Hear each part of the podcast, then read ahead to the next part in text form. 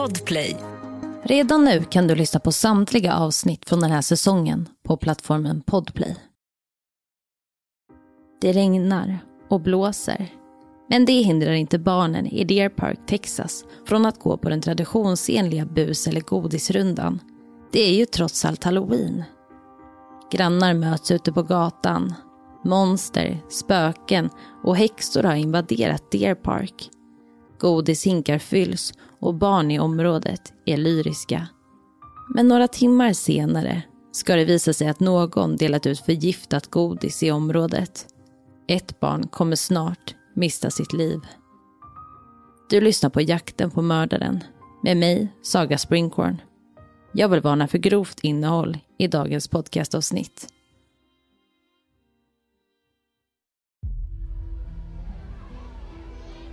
–31 oktober år 1974, Texas. Bus eller godis? Utklädda barn och vuxna går längs med gatorna i Deer Park. Skrämmande maskeringar och barn som knackar dörr i området. Allt för att få tag på lite halloweengodis. Men den här kvällen ska sluta i en förälders värsta mardröm. Optiken Ronald Clark O'Brien är ute och vakar över sina två barn, Elisabeth 5 och Timothy 8. Ronald morsar när han går förbi grannar. Stämningen är bra och lekfull i det lilla området. Ronald och barnen möter upp grannen Jim Bates och hans två barn och tillsammans går de runt i området på jakt efter godis. De närmar sig nu ett hus. Ett hus utan minsta lilla ljuskälla. Kanske är det så att ingen är hemma. Men det kan vara värt ett försök i alla fall. Ronald och barnen närmar sig huset. Grannen Jim följer efter. Barnen tar mod till sig och bestämmer sig för att knacka på. De väntar och väntar. Men det är ingen som öppnar. Barnen orkar inte stå där och vänta mer. Det finns ju så många andra hus. De springer vidare. Grannen Jim följer efter. Men Ronald dröjer sig kvar vid huset. En stund senare kommer Ronald springandes mot barnen och Jim. Han har goda nyheter. Det hade visat sig att barnen varit alldeles för otåliga. Det fanns visst en person i det där mörka huset och Ronald hade fått några pixie sticks att dela ut till barnen. Pixie sticks är ett sötsyrligt färgat pulvergodis förpackat i ett omslag som liknar ett sugrör. Barnen blir glada och lägger varsin pixie sticks i sina halloweenhinkar. En tioårig pojke som ansluter sig till gänget får också en pixie stick. Frid och fröjd, halloweenrundan fortsätter. Kvällen går mot natt. Det blev en lyckad runda för barnen. Elisabeths och Timothys hinkar är fulla av godis. Men nu är klockan mycket och det är dags för Timothy och Elisabeth att gå och lägga sig. Men Timothy är ju så sugen på att få äta lite av godiset. Före sänggåendet ber Timothy sin pappa om att få ta åtminstone något litet från godishinken. Ronald ger med sig och låter Timothy välja något litet ur hinken. Timothys ögon lyser och han plockar fram den där pixiesticksen. Pixiesticksen som han fått från det mörka huset. Men det är något som inte stämmer. Pulvret är svårt att få ut. Det är som att det sitter fast i sugröret. Han ber sin pappa om hjälp. Ronald slår till sugröret så att pulvret lossar från sugrörets väggar. Timothy häller ivrigt pulvret i munnen. Men när Timothy känner smaken av pulvret reagerar han förvånat. Det smakar bittert och inte alls som det brukade göra. Ronald går och hämtar ett glas saft till Timothy för att den bittra smaken ska försvinna. Ganska snart börjar Timothy att må dåligt. Han har ont i magen och blir tvungen att springa till badrummet och kräkas. I badrummet börjar hans kropp krampa. Ronald har i efterhand berättat för polisen att han hållit sin son i armarna, varit med honom vid kramperna och när han kräkts. Och helt plötsligt hade Ronald känt hur Timothys kropp slappnat av. Hur alla muskler i kroppen gett upp. Hans son föll livlös mot badrumsgolvet. Advokaten Mike Hinton blir uppringd senare den där kvällen. Det är ett samtal från polisen. Polisen på andra sidan luren berättar att en åttaårig pojke dött. Han hade förts till sjukhus, men pojken hade avlidit på väg till sjukhuset i ambulansen. Polisen misstänker att pojken bragts om livet. Advokaten Mike är ivrig. Han vill veta allt som rör pojkens död. Han ringer till chefsläkaren som undersökt Timothys kropp. Chefsläkaren berättar att Timothys andedräkt varit något utöver det vanliga. Det hade luktat mandel från pojkens mun. Läkaren hade funderat. Varför denna lukt? Ganska snart kommer han fram till att det kan röra sig om ett förgiftningsfall. Det dödliga ämnet cyanid kan ibland både smaka och lukta som bitter mandel. Och Timothy hade ju dött cirka en timma efter att han ätit pulvret i godissugröret. Ja, åttaåringen Timothy har avlidit och man misstänker nu att det rör sig om ett mord. Chefsläkaren fastställer efter obduktionen att den unge Timothy fått i sig dödliga mängder med cyanid. Faktiskt tillräckligt med cyanid för att döda två vuxna människor. Och cyanid är livsfarligt att få i sig och det finns flera fall där människor bragts om livet med just cyanid. Cyanid är nämligen ett snabbverkande gift och potentiellt dödligt. Om man fått i sig cyanid kan man få ett antal symptom och några av de här är yrsel, oro, kräkningar och vid ett större intag koma, kramper och cirkulations och andningspåverkan. Och om vi går tillbaka till fallet så vill man nu veta var cyanidet kommit ifrån och givetvis så misstänker man de där pixysticksen som varit det sista Timothy fått i sig. Och när man undersöker Elisabeths pixie så kan man se att de första fem centimetrarna i det här godissugröret är fyllt med just cyanid. Och när man testar Timothys rör så ser man rester från cyanid i röret. Och vill du se bilder från det här fallet så kan du gå in på min Instagram där jag heter Saga Springkorn och trycka på storybubblan jakten S8. Vi går vidare. Ryktet börjar sprida sig i samhället.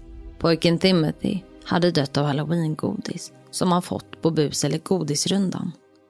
Det sätter stor skräck i området.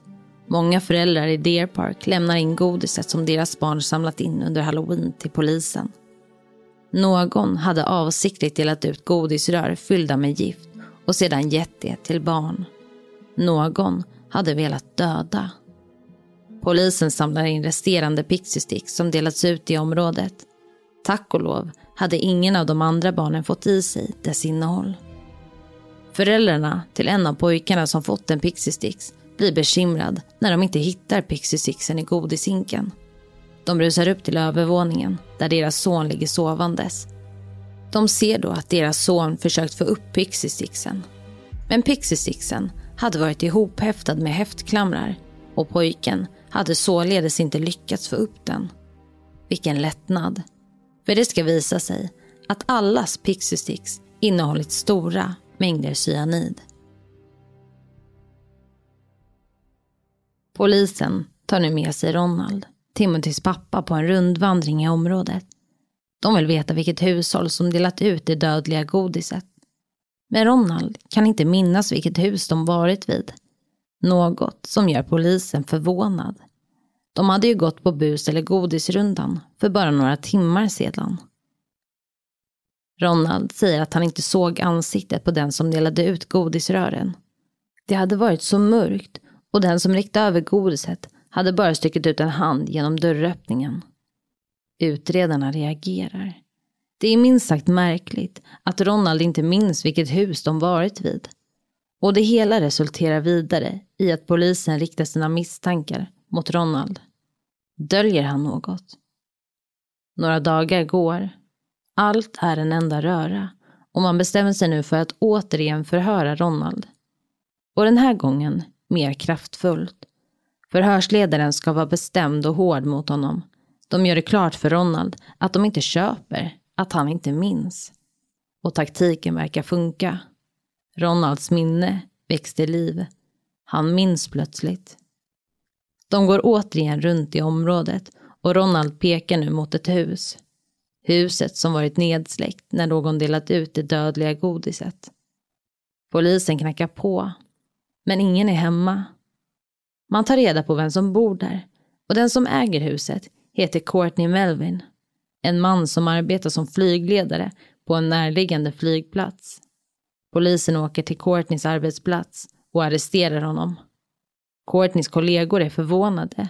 Likaså Courtney. Han förstår ingenting. Under förhöret med Courtney visar det sig att han har alibi. Under den aktuella kvällen hade han arbetat ett kvälls och nattpass. Något som kunde fastställas med hjälp av hans kollegor. Flera kollegor hade arbetat tillsammans med Courtney. Det kunde inte vara han som delat ut godiset.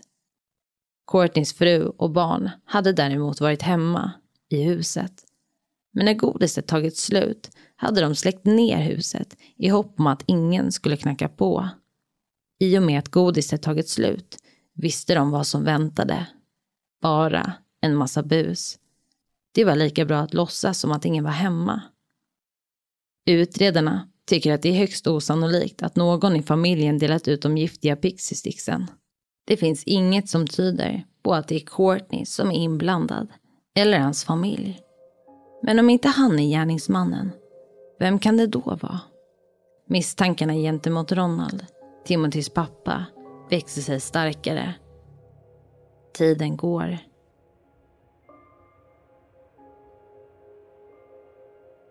Utredarna misstänker fortfarande Ronald, men det finns ju inga bevis gentemot honom. Bara misstankar och omständigheter som gör allt väldigt märkligt. Utredarna arbetar för fullt och en dag finner en av utredarna något uppseendeväckande. Det visar sig att Ronald nyligen tecknat en livförsäkring på båda sina barn, Elisabeth och Timothy. Livförsäkringen hade tecknats i januari månad på 10 000 dollar per barn, motsvarande idag cirka en halv miljon kronor. Och en månad före halloween hade livförsäkringen höjts med 20 000 dollar per barn. Ronald hade det tufft ekonomiskt. Han var i knipa. Han hade skulder på över 100 000 dollar. Ungefärligt värde på den tiden var 4 miljoner 430 000 kronor. Ronald hade haft svårt att behålla sina arbeten. Han hade under tio års tid haft 21 olika arbeten och höll nu på att bli av med ytterligare ett av sina arbeten. Han hade ett motiv.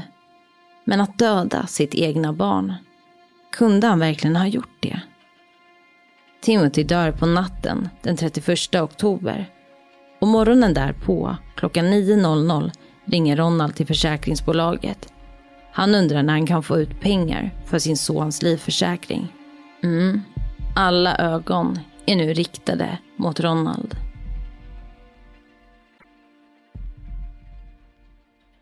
Ja, utredarna gör nu en husrannsakan hemma hos Ronald och där finner man en sax som vid närmare analys har plastrester på sig, vilket troligtvis kommit från godissugröret. Och det finns mer saker som pekar mot att Ronald är den skyldige. Ronald studerade nämligen på ett lokalt college och i efterhand har hans klasskamrater och lärare berättat för polisen att han ibland ställer frågor om cyanid. Han ska bland annat ha frågat om cyanid var det bästa giftet för att döda någon. Mm. Och det finns ytterligare ett vittne som arbetar på ett kemiföretag som kliver fram.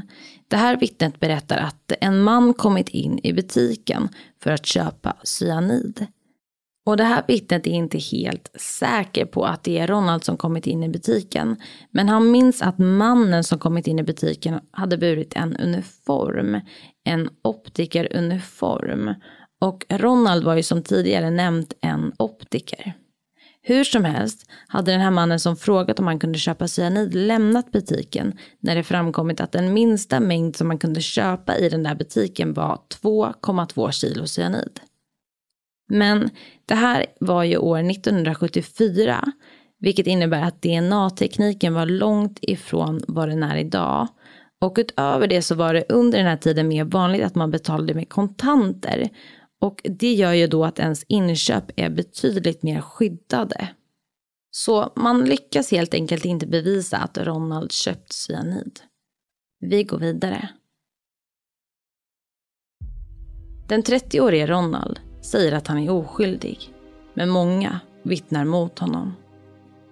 Ronald hade tidigare sagt att sonen Timothy valt Pixie själv den där kvällen.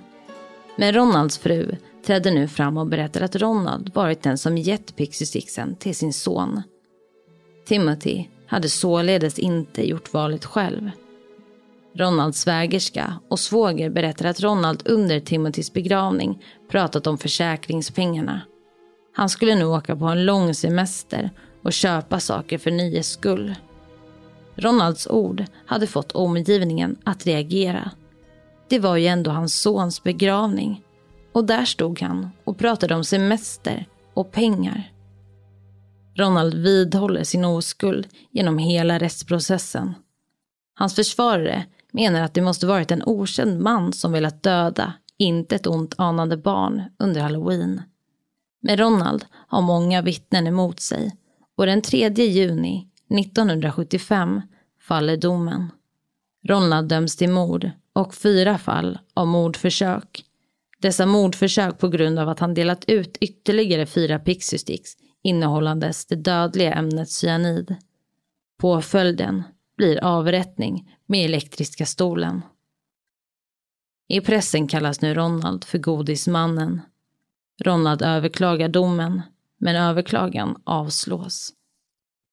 Fem år passerar och Ronald sitter i fängelset i väntan på sitt dödsstraff.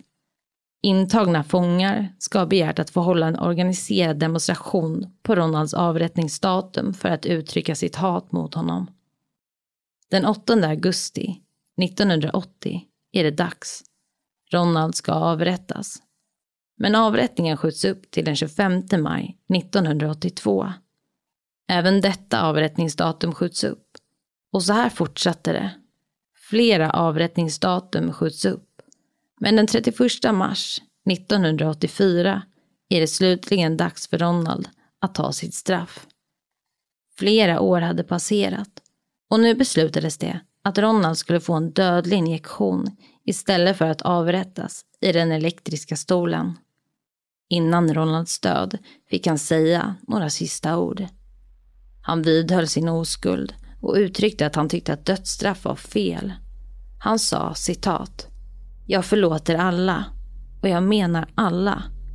De som varit inblandade i min död. Gud välsigna er alla och må Guds bästa välsignelse alltid vara med er. Ronald dödsförklarades strax efter midnatt. Utanför byggnaden där avrättningen utförts samlas en folkmassa på omkring 300 personer. Några ropar bus eller godis och kastar godis på de som är där för att demonstrera mot dödsstraff. Flera av dem jublar när beskedet kommer. Ronald är död. Ja, det här är ju en helt bedrövlig och sanslös historia. Och man kan ju fråga sig varför Ronald delat ut det dödliga godiset till flera barn. Jo, polisens teori är att han gjorde det för att dölja sitt brott. Hans historia om den okända mannen som lämnat ut godiset hade varit mer trovärdig om fler barn råkat illa ut. Efter Ronalds dom så gifter hans fru om sig och pratar en hel del med pressen. Innan Ronald avrättas så säger hon Jag hatar inte Ronald. Jag känner bara ingenting. Jag är glad att det tar slut. Jag tror inte att Ronald är en sjuk eller galen person men han är pervers. Det är slutet på en mardröm och starten på en helt ny början. Och Ronalds fru hade faktiskt sett tecken tidigare under äktenskapet på att han var en lögnare. Hon kom på lögn efter lögn men bara en gång hade Ronald erkänt att han faktiskt ljugit. Ronald erkände varken för sin fru eller för allmänheten att han dödat Timothy. Men hans fru säger, citat. Jag vet i mitt djupaste hjärta att han är ansvarig för min sons död. När frun tänker tillbaka så kan hon lägga ihop några pusselbitar. Ronald var djupt troende och en gång så läste han ett citat för henne i Bibeln. Efter att han läst det här citatet så berättar han för sin fru att det måste ha varit väldigt jobbigt för Abraham att förlora och offra sin enda son. Mm. Och det här fallet utspelar sig ju långt tillbaka i tiden och det finns inte så mycket information att gå på mer än det jag berättat. Och i och med att avsnittet kanske blir lite kortare idag så tänkte jag avsluta med att berätta om några skrämmande historier som handlar om just godis som barn fått med sig hem efter en bus eller godisrunda. USA. 2018 så går ett par och deras barn på trick or treat en halloweenkväll. Och föräldrarna och barnen får med sig Sour Patch hem. Och jag skulle beskriva Sour Patch som små godisgubbar i olika färger med ett surt sockerlager runt sig. Och jag skulle väl säga att det smakar ungefär som gott och blandat surt. När föräldrarna sen äter lite av barnens halloweengodis så börjar de må illa efteråt och kontaktar därför polisen. Och när man utreder och testar det här godiset så kan man konstatera att det finns metamfetamin i godiset. Och det är ett narkotikaklassat centralstimulerande medel. Det liknar amfetamin men är mer kraftfullt och mer beroendeframkallande. Mm, och vi fortsätter i USA. År 2000 så anklagas en man för att ha satt nålar i Snickers godis, alltså sådana här Snickers chokladbarer. Och dessa Snickers hade delats ut vid bus eller godisrundor. Och tack och lov så skadade sig ingen allvarligt. Men det var faktiskt en tioårig pojke som fick lättare stick i munnen av de här chokladbarerna. Vi går vidare till Kanada. Och år 2020 får poliser i området Brantford, Kanada in samtal om att man hittat rakblad och nålar i godis som samlats in under bus eller godisrundor. Och det här är riktigt läskigt för när jag gräver lite på djupet så finns det ganska många historier som liknar de här. Man har också funnit glas, naglar, kulor, alltså pistolkulor i godis som samlas in under bus eller godis. Och så vitt jag kunnat se så finns det ingen annan historia där ett barn dött efter att ha konsumerat halloweengodis som samlas in då via bus eller godisrundor. Och nu har jag säkert skrämt upp flera av er som har barn eller är närstående till barn. Och ja, jag kan faktiskt erkänna det att jag är ganska rädd för mina brorsbarn nu som kanske en vacker dag när de blir äldre ska ut på sådana här halloweenrundor. Men jag har faktiskt läst på lite om det också. Flera experter som uttalar sig säger att man faktiskt kan känna sig lugn när det kommer till det här. Och avslutningsvis så kan jag säga att Timothy hade idag varit 55 år gammal om han levt. Och det här var allt för dagens avsnitt. I nästa vecka så kommer jag berätta om ett fall i Australien. En man vid namn John dyker inte upp på sitt arbete och det här är väldigt olikt honom. Polisen tillkallas till mannens hem och där möter de en minst sagt makaber brottsplats. Och om du inte orkar vänta till nästa vecka så kan du redan nu lyssna på avsnittet på plattformen Podplay. Där finns hela säsongen publicerad. Och vill du komma i kontakt med mig så kan du skriva till mig på Instagram där jag heter Saga Springkorn eller mejla till jakten på mordaren at springkorn.se. Tack för att du har lyssnat på dagens avsnitt. Podplay, en del av